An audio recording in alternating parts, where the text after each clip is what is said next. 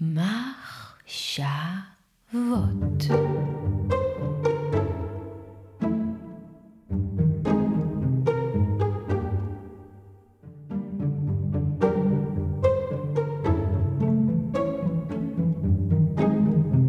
החיים הם פרידה ארוכה, ארוכה, ארוכה. מהרגע שהאדם נולד, ואפילו עוד מכמה רגעים לפני, הוא מתחיל להיפרד. הוא נוצר בתוך הגוף של אימא שלו, וככל שהוא גדל, וככל שהיא מזינה אותו והעולם מזין אותו, והוא מתפתח ומתהווה להיות משהו ומישהו, כך הוא הולך ונפרד, כך מה שמזין אותו ומי שמזינה אותו הולכת וקמלה, עד שהוא כמו פרח יעמוד בזכות עצמו, יפיץ את הצורה שלו הלאה, בכל מיני דרכים, גם בדרך הביולוגית, גם בדרך הסובייקטיבית והנפשית. הוא ידבר ויפיץ את הרעיונות שלו, ישפיע, ולאט לאט ידעך, יקמול וייעלם.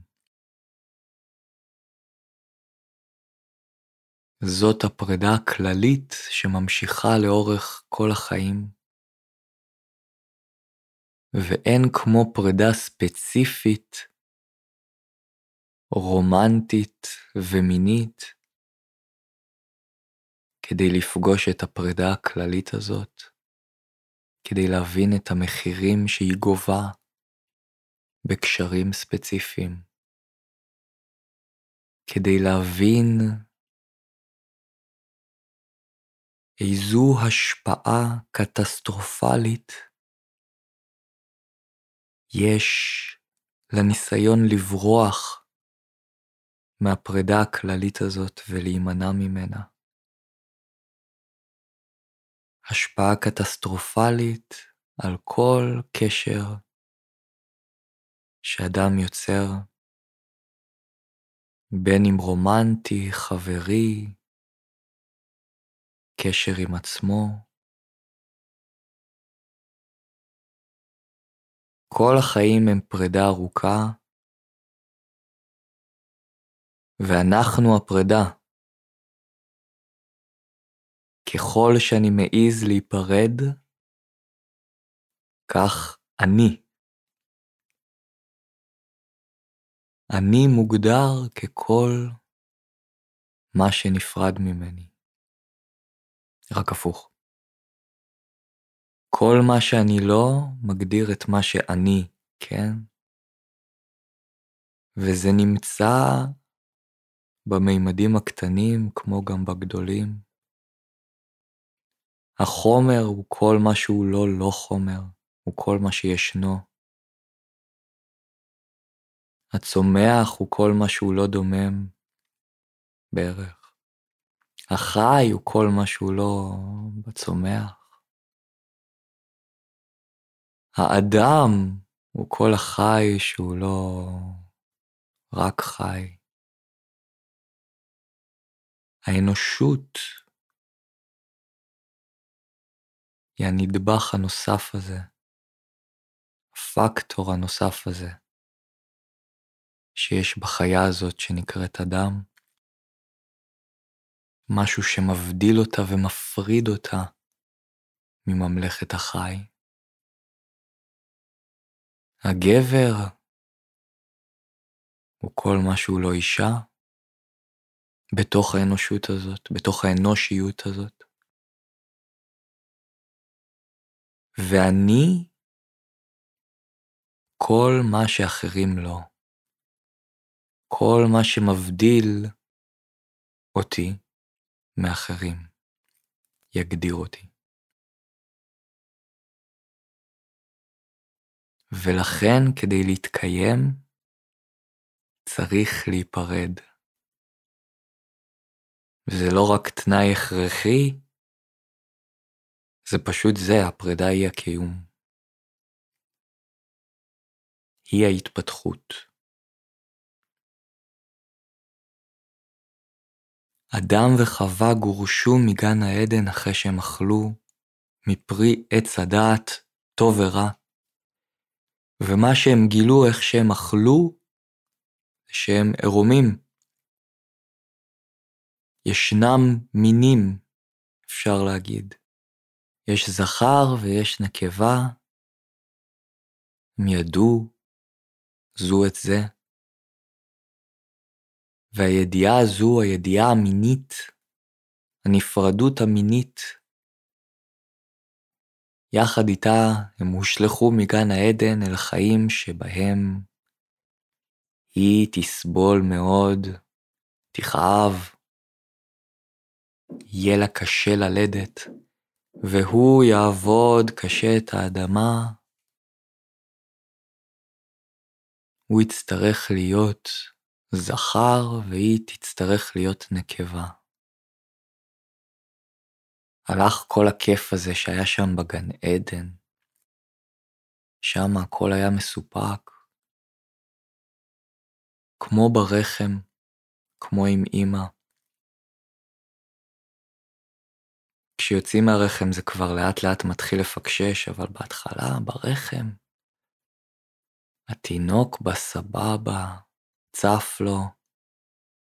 הוא לא רעב, זה כל הזמן, הכל מסופק. כנראה, ככה, ככה זה נראה. לפני שהוא קיים בכלל, אין שום דבר שיכול להיות בכלל לא מסופק. והוא יוצא החוצה, ובהתחלה, בכל פעם שהוא בוכה, אמא שלו מניקה אותו, או מביאה לו בקבוק. כשקר לו מחממים אותו, וכשהוא צריך הוא מקבל, בתקווה. ולאט לאט הוא מתחיל להיות יותר ויותר מתוסכל, ליותר זמן.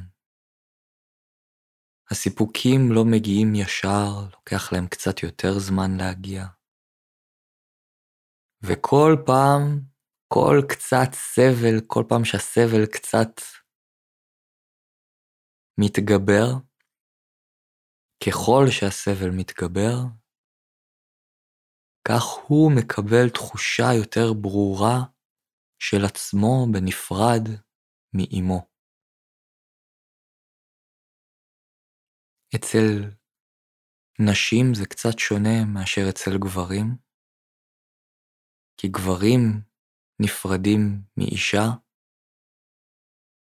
שלעד תחסר להם, ונשים נפרדות מאישה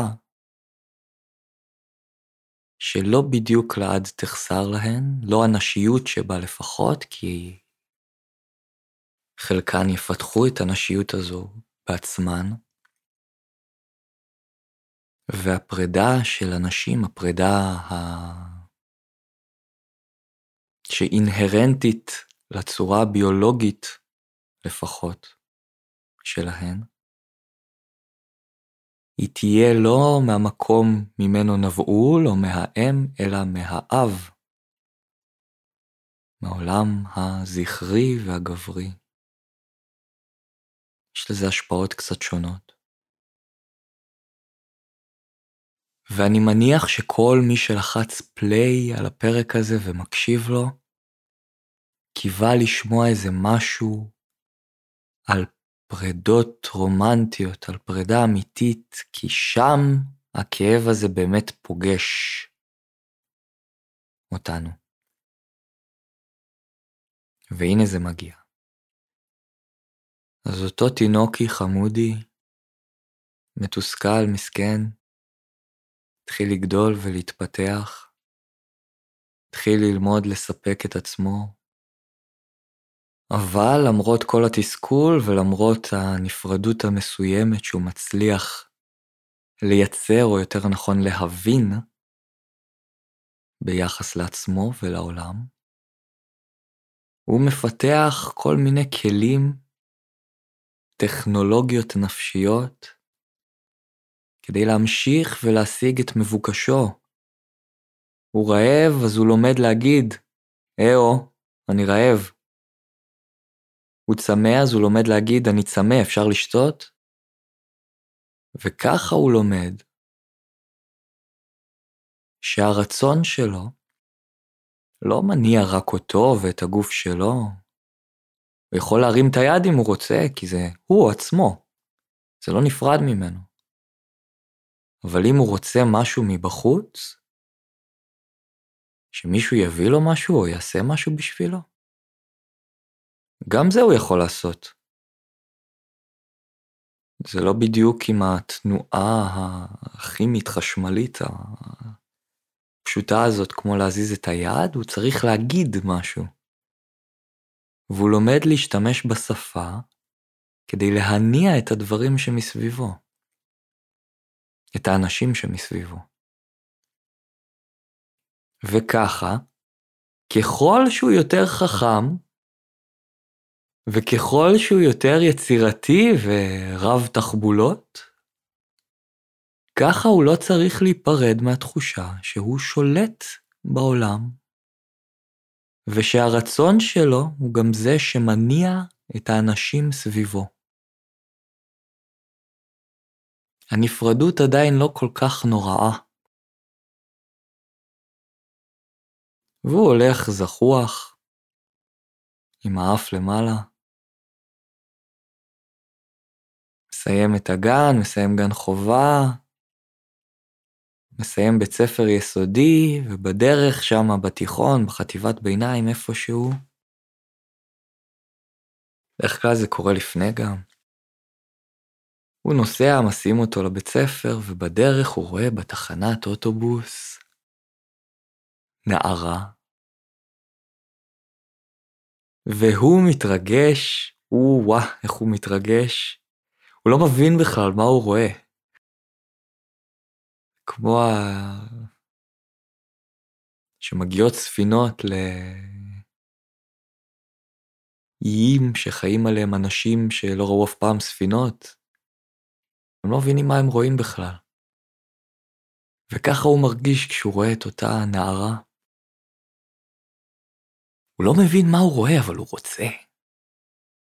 הוא מתרגש. הוא לא מבין למה, אבל הוא פתאום מחפש אותה ב-ICQ, במסנג'ר, בפייסבוק, באינסטגרם. פתאום אה, הוא מתקרב לחברות שלה, שואל עליה. בדרך כלל זה בא גם עם איזה דרך איזה איבר מסוים, השיער שלה, שהיא פנית אותו. משהו בעיניים, והוא לא מבין, הוא לא מבין את הצורה הזאת בכלל, הוא לא יודע מה זה. והוא מתקרב אליה ומדבר איתה, כאילו הייתה חבר שלו. כי הוא לא מבין, הוא לא מבין מה הוא רוצה. ומתישהו הוא פתאום קולט, וואלה, אני מאוהב בה. אני רוצה אותה. והוא יודע, הוא למד לגרום לאנשים לעשות משהו, מה שהוא רוצה כרצונו. והוא אומר, הנה, אני אגיד לה שאני אוהב אותה ושאני רוצה אותה. אולי אפילו אני אכתוב לה מכתב או איזה שיר אהבה. והיא תהיה שלי. הוא בא, עוזר אומץ, אומר לה את זה, והיא אומרת לו, יש כמה אפשרויות האמת. אפשרות אחת זה שהיא אומרת לו כן, את האפשרות הפחות טובה. נסביר תכף למה. האפשרות האחרת שהיא קצת אה, צוחקת, ואומרת לו, מה, אבל חשבתי שאנחנו ידידים, אנחנו כמו אחים הרי. את המצב הזה נשאיר בנקודה הזאת. המצב הקודם שתיארתי, שבו הם נהיים ביחד, יכול להימשך כמה שנים טובות, יכול להימשך המון שנים טובות. בוא ניקח אותו עד הרגע שבו פתאום הם נפרדים, ואז אותו בחורצ'יק אמיץ מגיע לאותה נקודה שבה נמצא אותו נער אמיץ, נקודה של הדחייה, ועליה אתעכב. את הפרידה נשאיר להמשך. בואו נראה מה קורה שם ברגע של הדחייה של אותו נער הירואי.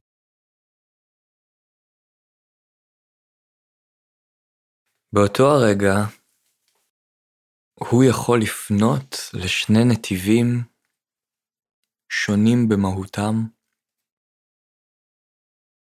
הראשון, אכזרי ונוראי מאין כמותו, לא ממליץ עליו,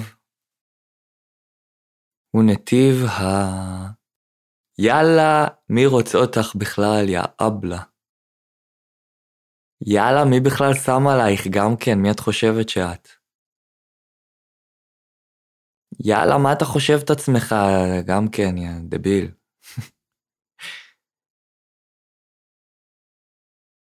נתיב בעייתי, נתיב שבדרך כלל חברים לא מאתגרים בוחרים בו.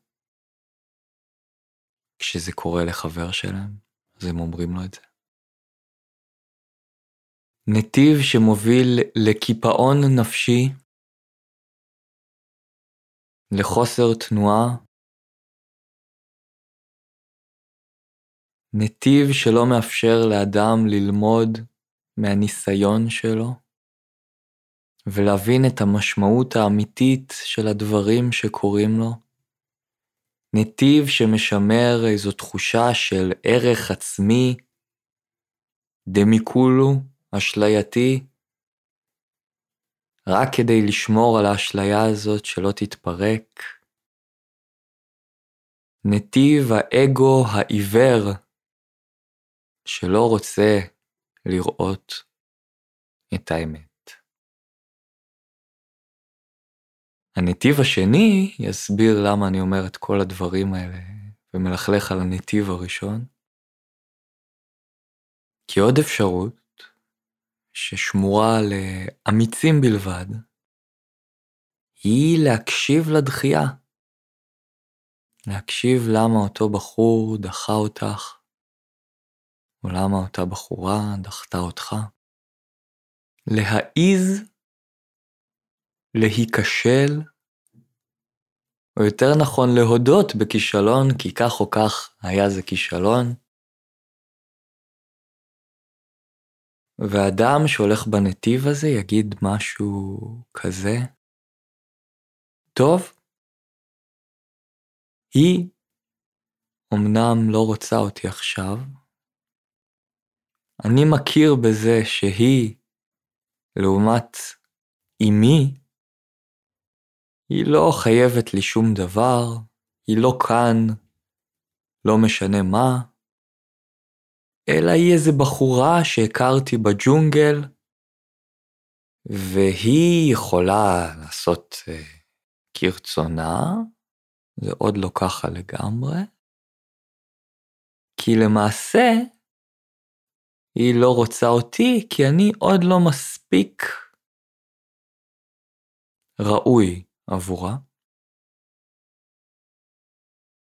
אני לא מספיק חזק, אני לא מספיק בעל כוח, השפעה, אני לא מספיק חברותי, אני לא מספיק מצחיק, עוד לא רכשתי איזו מיומנות חשובה, אין לי כסף, אין לי מה להציע לה, כגבר. או להפך כמובן. ואז אותו בחורצ'יק אומר לעצמו, טוב, למרות שהיא לא רוצה עכשיו, יש כל מיני דרכים שאני יכול לעשות כדי להפוך להיות אותו גבר שהיא חושקת בו. איזשהו אידיאל גברי שכזה.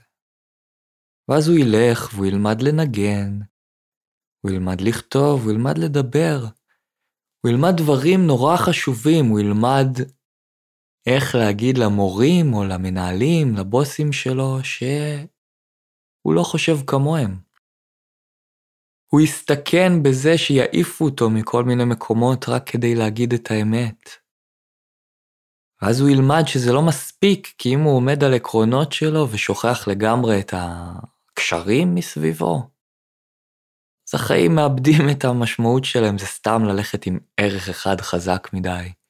אז הוא לומד גם לוותר ולהתפשר ולהתמסר. הוא לומד להאמין, הוא לומד להיות חלש מול אנשים שהוא אוהב, הוא לומד להיות חזק מול האויבים שלו. וכך הוא נמצא בתנועה אל עבר האידיאל. והוא מתפתח, הוא באמת מתפתח והוא באמת מקבל על עצמו את התחפושת שהטבע העניק לו? גוף מסוים, חשקים מסוימים, והוא לומד לחיות איתם, לומד לנהל אותם. וכך, בזכות אותה דחייה, על ידי אותה נערה נגיד, הדחייה הייתה בעצם מצפן עבורו, שמסמן לו בדיוק לאן הוא צריך ללכת כדי להפוך לגבר נחשק, וזה גם עושה חסד איתו. טוב עבורו שהוא ינסה להיות ראוי לתשוקתה של אותה אישה. העולם מלא בגברים אידיאליים ובנשים אידיאליות, הם הולכים כולם לחדרי הכושר, עושים אימונים, וכששואלים אותם למה אתם מתאמנים, הם לא כל כך יודעים להגיד. הם קונים בגדים יפים, ונראים כמו שחקני קולנוע, וכך הם מושכים באופן אובייקטיבי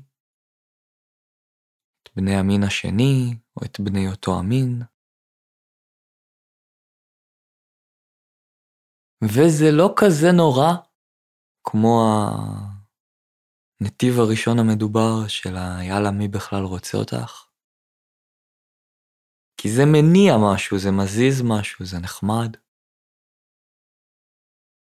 אבל מה שאותו אדם לומד, זה עוד לא את השיעור הקשה באמת. זה שהוא עדיין יכול, לפי רצונו, להניע אדם אחר. הוא ימשוך את האישה הכי הכי הכי יפה בעולם, הוא ימשוך את כל הנשים. הוא יהפוך לסמל מין אם הוא רוצה. וככה עדיין הוא לא למד את הגבול שלו. זה אין סופי, הוא יכול לעשות הכל, הוא כזה חכם.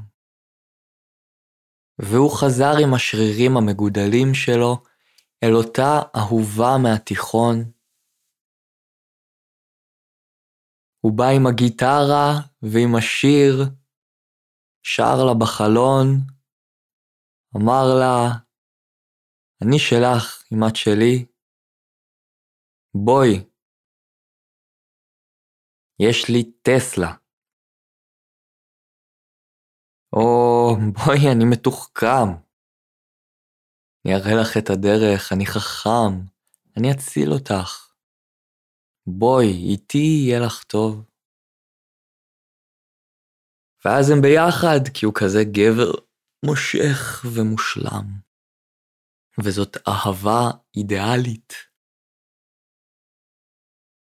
והוא, מבחינתו, אנשים יגידו לכם שמה פתאום, זה לא ככה. תביטו טוב טוב, תביטו טוב טוב, ותראו שכל אחד, הרוב לפחות, מנסים לשלוט, נכנסים ליחסים ומנסים לשלוט, שהאדם השני יישאר בתוך התבנית הזאת שאפשר לשלוט בה, בין אם הוא השולט או בין אם הוא הכנוע.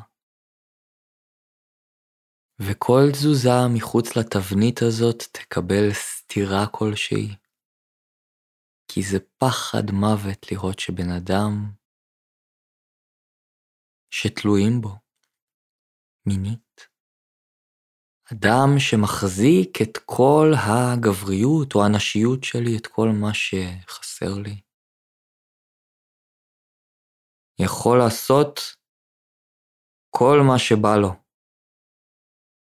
זאת לא אימא שלי וזה לא אבא שלי, זה אדם שפגשתי בג'ונגל, הוא יכול מרצונו הטוב לבוא ולבלות בחברתי, כמו שהוא יכול גם לא. ונגיד שעל אף המאמץ הגדול שעשה אותו הגבר שהפך לאידיאלי, כל מיני דברים קרו, כל מיני דברים צצו, ניסו לפרוץ לחופשי, הם היו רבים, מתחרפנים אחד על השנייה.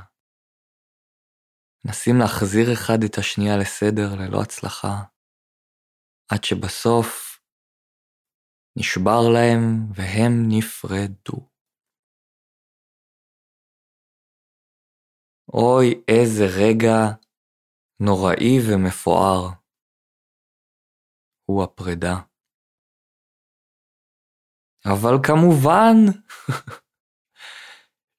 שהאדם הוא כל כך חכם, האגו רב תחבולות, והנה כמה דרכים שלו להיפרד בלי באמת להיפרד. תחבולה ראשונה מאוד מוכרת, היא הקפיצה לאדם הבא. עוד לפני שנפרדים, עוד לפני שמבינים, עוד לפני שהמשמעות יכולה לחשוף את עצמה,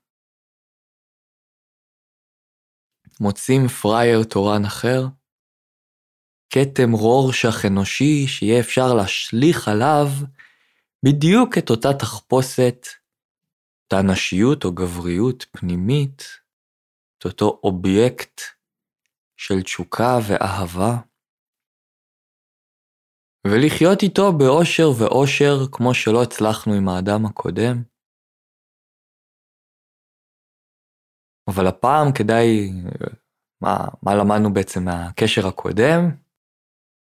ככה זה אנשים אומרים, כן, למדתי בכל זאת מהפרידה הקודמת שאני מחפש מישהי שתהיה יותר נוחה להשפעה, שאני אוכל להשליך עליה את כל מה שאני רוצה שהיא תהיה, בלי שהיא תתלונן, בלי שזה יכאב לה, בלי שהיא תרגיש שזה מסרס אותה. אוכל לעשות ממנה מה שאני רוצה, והיא תקבל את זה כמו אישה. אין פה שום פרידה אין פה הבנה שהבן אדם ממנו נפרדנו הוא אחר, שיש לו רצון משלו, שלא עומד בקנה אחד עם שלנו. יש פה איזו התקה, המשך של היתקעות. עוד תחבולה, תחבולה מספר 2, היא השמצת והשחרת האדם שממנו נפרדנו, הפיכתו למפלצת, יצא לי להגיד את זה כבר כמה פעמים, אבל זה נשמע ככה. כן, הסתבר לי עם הזמן שהוא ממש התעלל בי. זה היה קשר מתעלל, הוא למעשה היה נרקיסיסט, היא למעשה הייתה גבולית. זה היה ממש עניינים של שליטה ו... וברחתי משם, טוב שברחתי משם. עכשיו, מן הסתם יכול להיות שזה נכון, אבל זה כל כך שכיח, שזה גורם לי לפחות להרים גבה, ומשהו במאה אחוז קורבנות הטוטלית הזאת לא מאפשר הבנה של המשמעות האמיתית, של מה שבאמת, מה הדבר המסובך שקרה שם. זה פשוט מדי, זה הסבר חד גוני מדי. הוא היה מטורף, היא הייתה מטורפת. ומה גם שזה בדרך כלל דו צדדי. זאת אומרת, גם היא אומרת ככה וגם הוא אומר ככה עליה.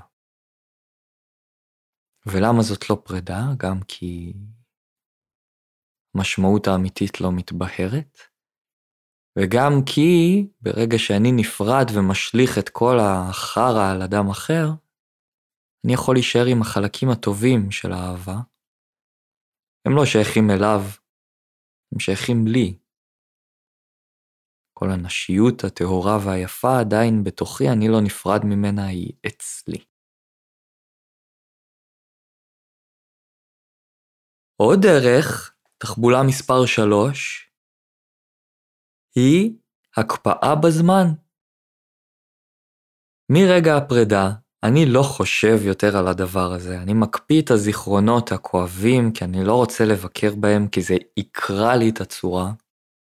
וככה כל הדבר הזה שהיה קשור בבן אדם האחר הזה, נותר בתוך קפסולה מבודדת היטב,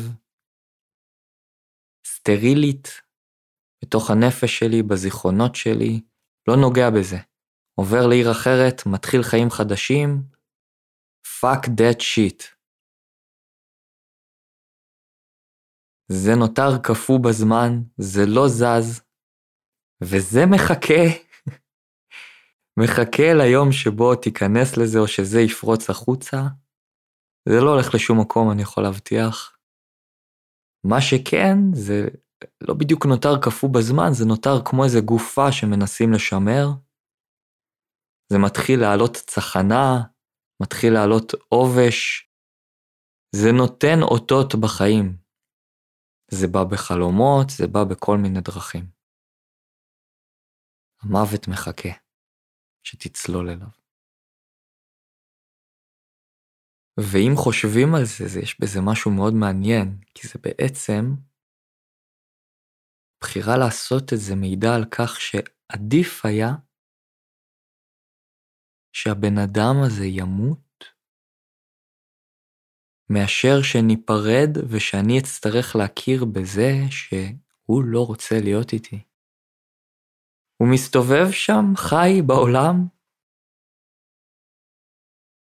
ולא רוצה להיות איתי. אז האדם ששומר על הדברים האלה קפואים ולא נוגע בהם ולא נכנס אליהם, הוא גם לא ייצור קשר עם הבן אדם האמיתי אחרי שהם נפרדו, כי זה, זה יהיה הדבר הכי נורא בעולם, לראות שהוא חי, שהוא משתנה, ולהכיר באמת בנפרדות ביניהם, בנפרדות הרצון.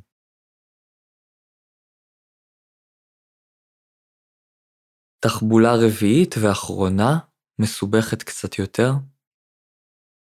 אחרונה נכון לשיחה הזאת, מניח שיש הרבה.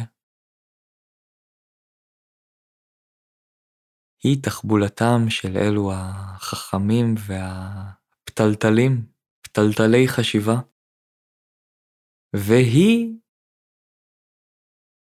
הדוגמטיות הרציונלית והלוגית, או במילים פשוטות, התחיל לבלבל במוח בצורה מאוד מאוד הגיונית, על למה טוב שהייתה הפרידה, וככה אותם אנשים בונים להם איזה מבנה חשיבתי ענף מאוד.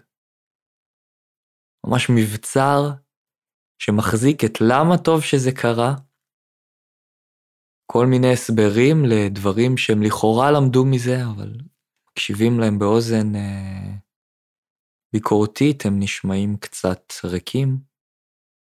והראש הולך קדימה, הולך קדימה, רץ קדימה, ממשיך הלאה, אבל הלב והאבל האמיתי ומה שהפרידה הביאה איתה, האיום הגדול שבא עם הפרידה, ושתכף ננסה לתאר, הם נותרים מאחור, הם נותרים תקועים, הם לא זזים. זה עלק פרידה, זה פרידה בכאילו. פרידה רציונלית, אפשר לקרוא לזה. גם הדבר הזה, גם התחבולה הזאת, יש לה מחיר. אמנם תהיה המשכה הלאה, יענו לכאורה, אבל הלב יצעק, הלב יצעק גם, שוב, בחלומות. הלב יצעק כשאותו אדם ייתקל פתאום באיזה משפט בסרט שיזכיר לו את מה שהוא זנח מאחוריו. הלב יצעק כשהוא ינסה להתאהב שוב, להכיר מישהי, והלב שלו לא יהיה שם כי הוא יהיה עדיין תקוע איפשהו מאחורה בזיכרונות שלא רוצים לגעת בהם. כי הם כואבים מדי. הוא תקוע, מסכן, תקוע, תקוע, תקוע.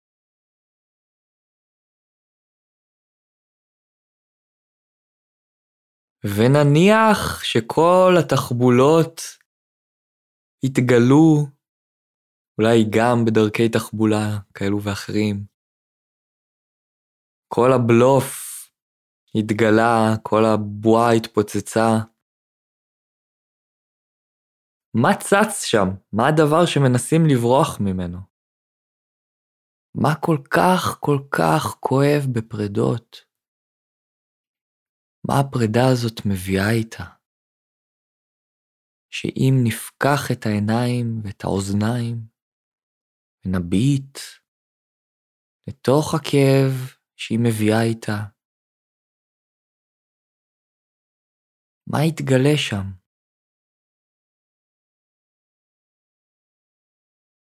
מה שיתגלה שם הוא המוות בכבודו ובעצמו. הוא הסוף של העצמי, הוא הסוף שלי. הסוף של הדברים הוא החלקיות של הדברים. הוא זה שאני רק גבר. לעד תחסר לי אישה או גבר.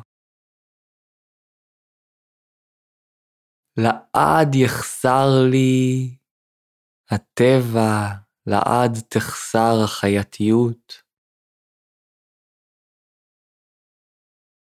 לעד אשתוקק לתשוקה של מישהי, ואין לי שום שליטה עליה. לעד אתגעגע לרחם ולאחדות שהייתה שם או לפני במוות. זאת לא בדיוק הבשורה של המוות, זה גם הבשורה של החיים. החלוקה, החלוקה לדברים, אני והיא זה לא אותו דבר. ולא בא לה להיות איתי עכשיו. איזה נורא זה. איזה נורא זה.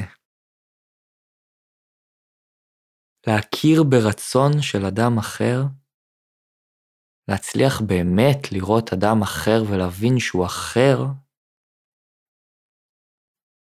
זה להעיז לפגוש את הקצה, את קצה גבול היכולת, את המגבלה, את הגבולות האמיתיים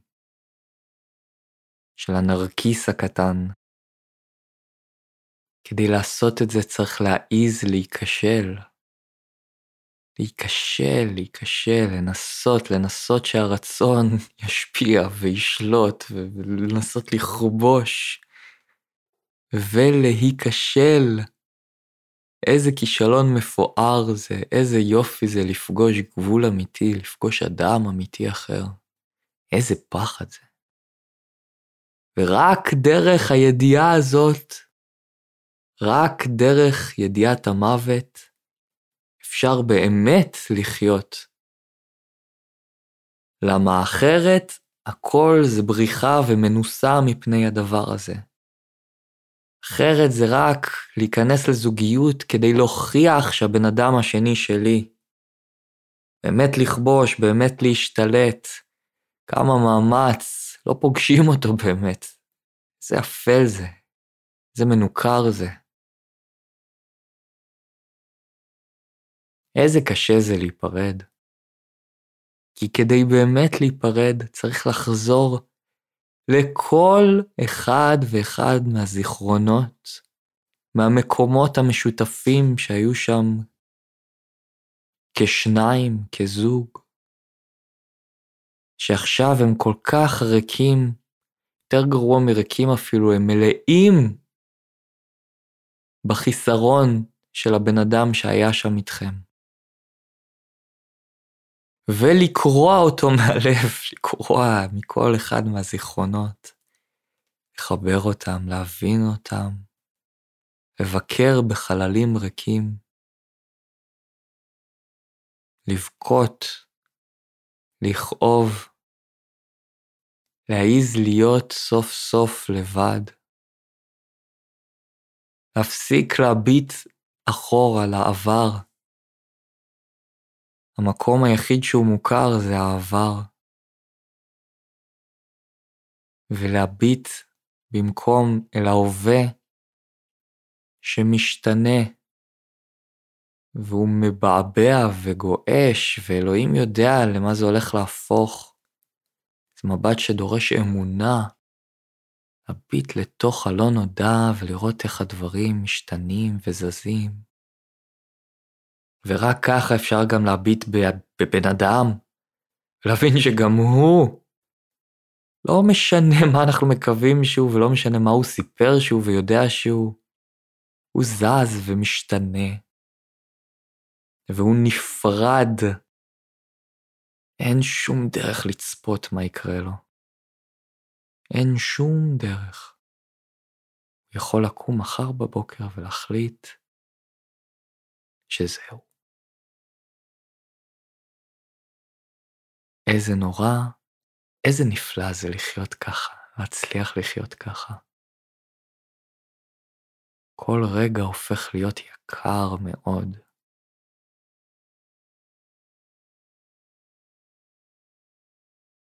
אמיץ מאוד הבן אדם שמעז להבין את הדברים האלה.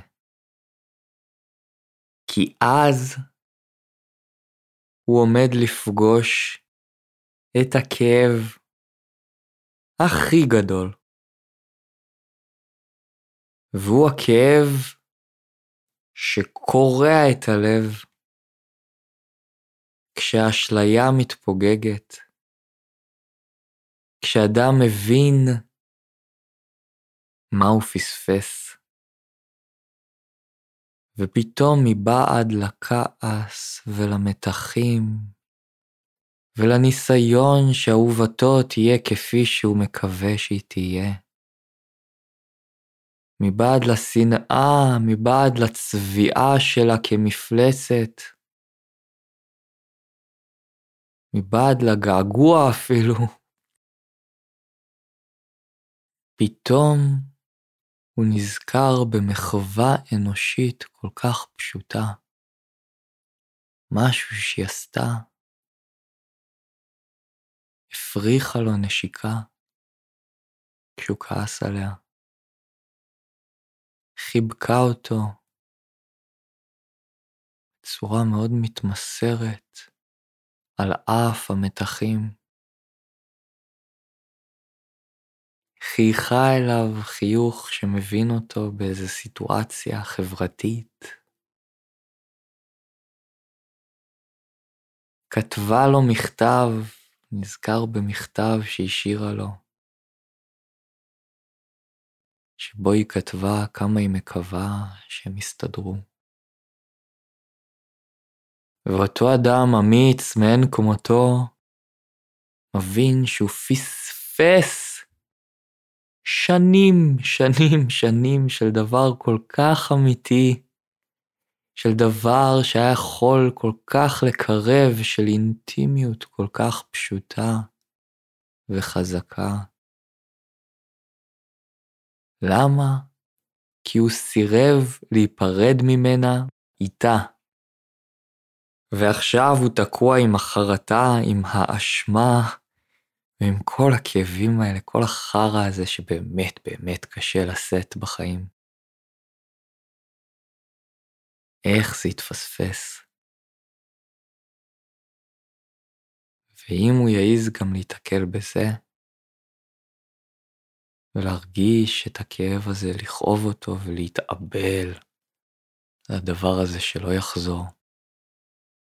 כל השנים שמתו במובן מסוים לחינם. אז הוא ילמד את השיעור הכל כך חשוב הזה. ויבטיח לעצמו שמעתה ואילך הוא הולך להעריך ולייקר את הערך של כל אנושיות פשוטה שתיקרא בדרכו. כל המחוות הפשוטות, כל החיוכים, כל המילים, כל המבטים וכל המפגשים שבהם הוא פוגש אדם אחר ממנו.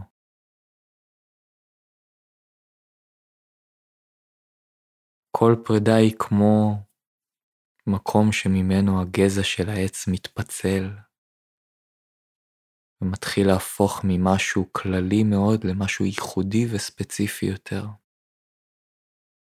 הכאב של הפרידה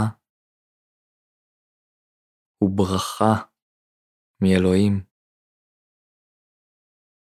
צעקה שמפלחת את הלב, היא קורעת את הלב.